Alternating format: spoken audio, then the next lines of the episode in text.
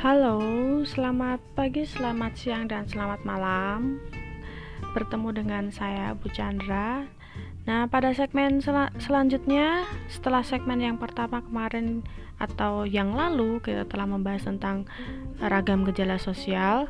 Sebelum masuk ke segmen yang kedua, saya akan menjelaskan bahwasanya kalau di segmen sebelumnya itu di akhir-akhir uh, di menit-menit terakhir tuh saya sempat berkata tentang uh, globalisasi atau faktor-faktor penyebab globalisasi. Mohon maaf sekali, saya salah ngomong karena sebenarnya materi yang kita pelajari adalah tentang gejala sosial ya. Jadi untuk segmen selanjutnya ini saya tidak akan membahas tentang globalisasi, tapi lebih tepatnya kembali lagi ke tentang gejala sosial. Nah, untuk segmen yang ini kita akan membahas tentang konsep dasar sosiologi itu sendiri dalam memahami tentang gejala sosial dan juga dampak-dampak gejala sosial yang ada di masyarakat.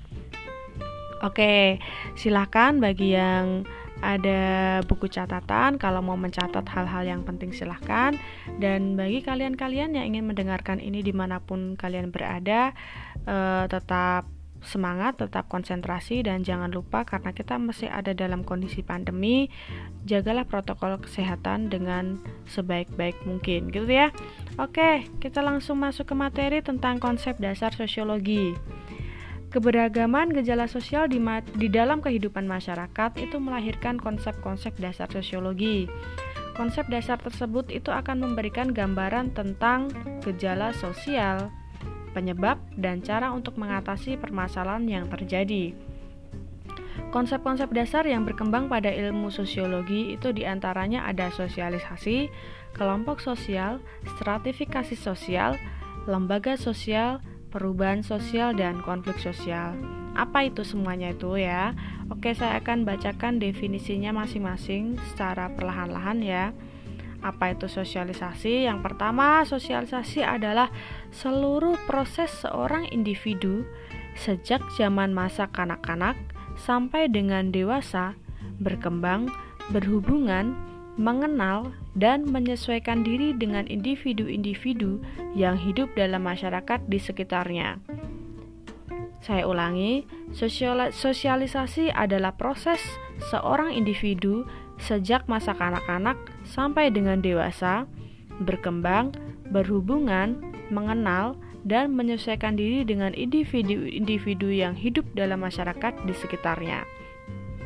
Pertanyaannya, sosialisasi itu berlangsung dari kapan sampai kapan?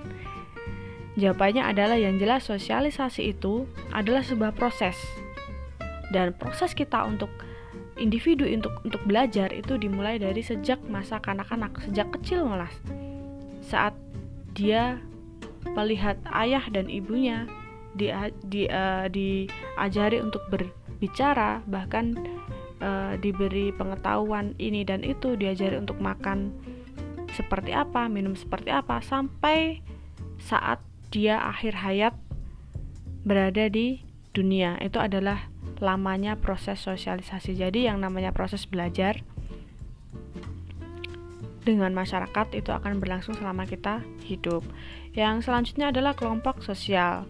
Kelompok sosial itu merupakan sekumpulan individu dengan karakteristik tertentu yang memiliki kesamaan identitas yang saling berinteraksi bersama serta memiliki kesadaran kolektif sebagai kesatu kesatuan. Jadi kalau ada kelompok orang nih yang berkumpul di suatu tempat, tapi mereka itu memiliki latar belakang identitas yang berbeda, atau mereka juga tidak berkumpul di situ tuh tidak sadar bahwa mereka merupakan anggota dari perkumpulan itu, itu dap tidak dapat dikatakan sebagai bagian dari kelompok sosial. Contoh kelompok sosial apa ya? Kita lihat nih ciri-cirinya tadi. Ada kelompok individu dengan karakteristik tertentu dan kesamaan identitas. Contoh nih ada anak-anak sekolah, itu kan jelas berkumpul. Karakteristiknya anak sekolah seperti apa sih gitu kan? Mereka masih muda. Mungkin bisa jadi mereka pakai seragam sekolah. Nah, itu kan juga mereka juga merupakan memiliki kesamaan identitas juga. Sama-sama anak sekolah.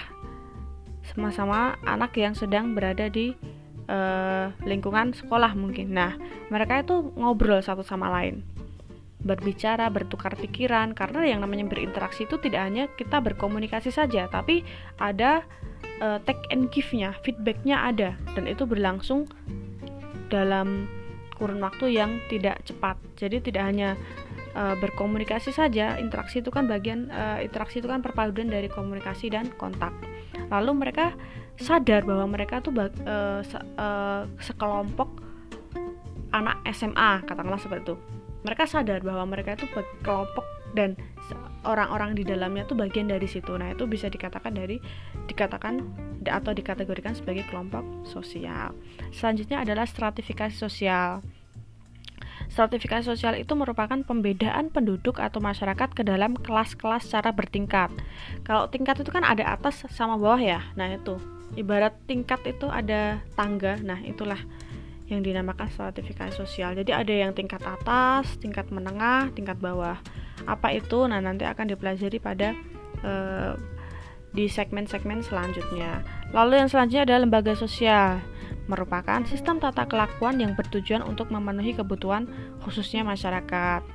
Selanjutnya ada perubahan sosial yang merupakan perubahan nilai-nilai, norma-norma, pola sikap serta perilaku yang terjadi pada lembaga sosial dan mempengaruhi sistem sosial.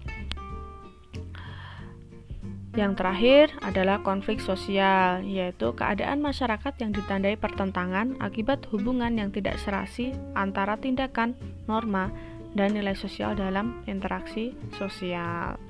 Itu ya konsep-konsep dasar sosiologi yang dapat kita pelajari tentang uh, dari fenomena gejala sosial. Lalu selanjutnya dampak gejala sosial di masyarakat ada apa aja sih kan? Ada dua, jelas. Dalam segala hal itu pasti hampir semua itu memiliki dampak positif dan negatif. Nah, dampak positifnya dari gejala sosial itu apa? Banyak sekali, gitu kan? Kita eh, kalau kita bisa terbuka dan mengimbangi perubahan sosial budaya yang ada itu kan, maka perubahan-perubahan sosial yang ada itu dapat berdampak positif dan bisa memberikan manfaat. Kita bisa lihat dengan kemajuan bidang teknologi. Dulu orang itu kan mau uh, bertani mau bertani ya itu mau punya sawah beberapa hektar itu mau membajak itu kalau belum ada teknologi kan kalau orang Jawa bilangnya rekoso ya. Rekoso itu apa ya? Kesulitan sekali. Nah sejak adanya teknologi perkembangan teknologi sudah ada alat pembajak sawah modern itu akan mempermudah itu. Lalu uh, kalau kita melihat teknologi komunikasi seperti telepon handphone uh, telegram email dan lain-lain itu kan uh, salah satu contoh juga dengan yang dengan adanya alat komunikasi yang modern itu kita dapat melakukan interaksi jarak jauh tanpa harus bertemu orang secara langsung. Dulu kalau mau ketemu orang itu harus ketemu mau ngobrol pada cuma mau ngobrol apa itu harus ketemu. Sekarang kita pakai handphone aja udah bisa bahkan udah bisa video call gitu ya bahkan sekarang kondisi pandemi seperti ini kita pembelajaran jarak jauh masih bisa dilakukan itu kan? Manfaat dari teknologi. Dampak negatifnya apa itu kan? Seseorang itu yang tidak bisa menerima atau susah menerima perubahan yang ada itu biasanya mengalami keguncangan budaya atau istilahnya dalam sosiologi itu culture shock. Jadi dia tuh nggak sanggup menghadapi gejala sosial dan justru membawanya ke arah perilaku yang menyimpang. Contoh, dia udah dikasih, kita udah dikasih kemudahan, kita punya handphone, kita punya gadget dan lain sebagainya. Tapi karena kita belum siap menghadapi perubahan atas manfaat positif dari alat-alat teknologi tersebut, alhasil kita membawanya ke arah perilaku yang menyimpang, jadi gadget addicted atau ter apa namanya uh, kecanduan gadget lalu yang harusnya kita bisa memanfaatkan teknologi komunikasi untuk hal-hal yang positif, ujung-ujungnya ke hal-hal yang negatif. Itu tandanya apa?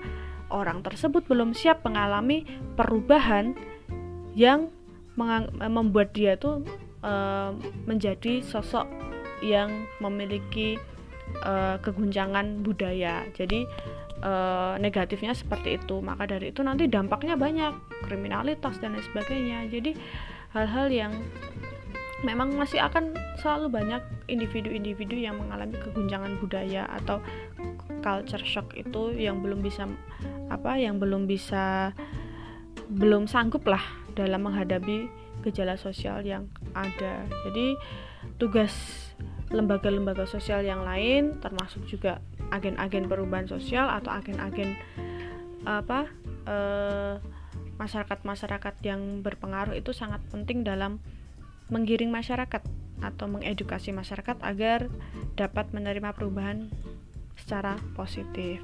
Lalu selanjutnya kalau ada tanya lalu cara mengatasi dampak gejala sosial yang negatif itu seperti apa? Gitu kan. Kalau positif kan jelas tinggal dilanjutkan ya.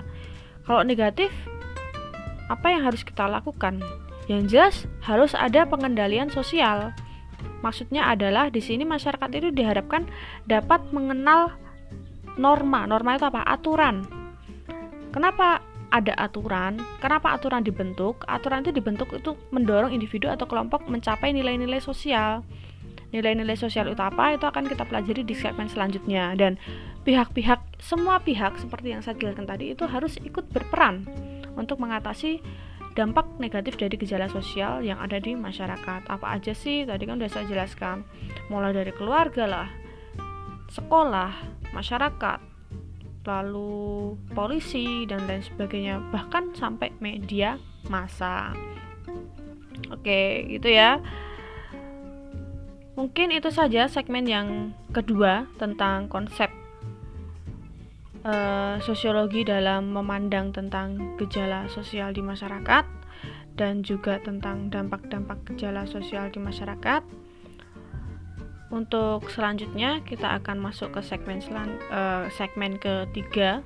Segmen ketiga kita akan membelajar akan belajar mengenai nilai dan norma sosial. Nanti di situ juga akan dibagi menjadi tiga subbagian yaitu tentang kita mempelajari tentang nilai itu sendiri, norma itu seperti apa, lalu kita juga akan selanjutnya nanti akan juga mempelajari tentang uh, tentang sosialisasi dan perilaku menyimpang. Jadi kita tuh ada tiga sub mata uh, sub materi ya.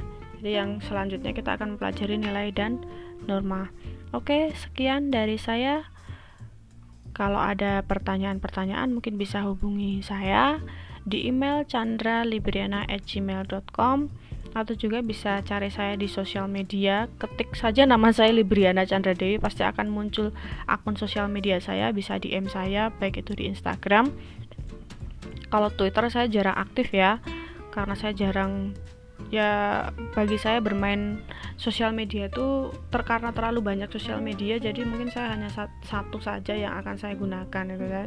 Kalau ada yang ingin ingin menghubungi saya mungkin bisa DM di akun Instagram saya. Oke selamat pagi selamat siang dan selamat malam. Jangan lupa jaga kesehatan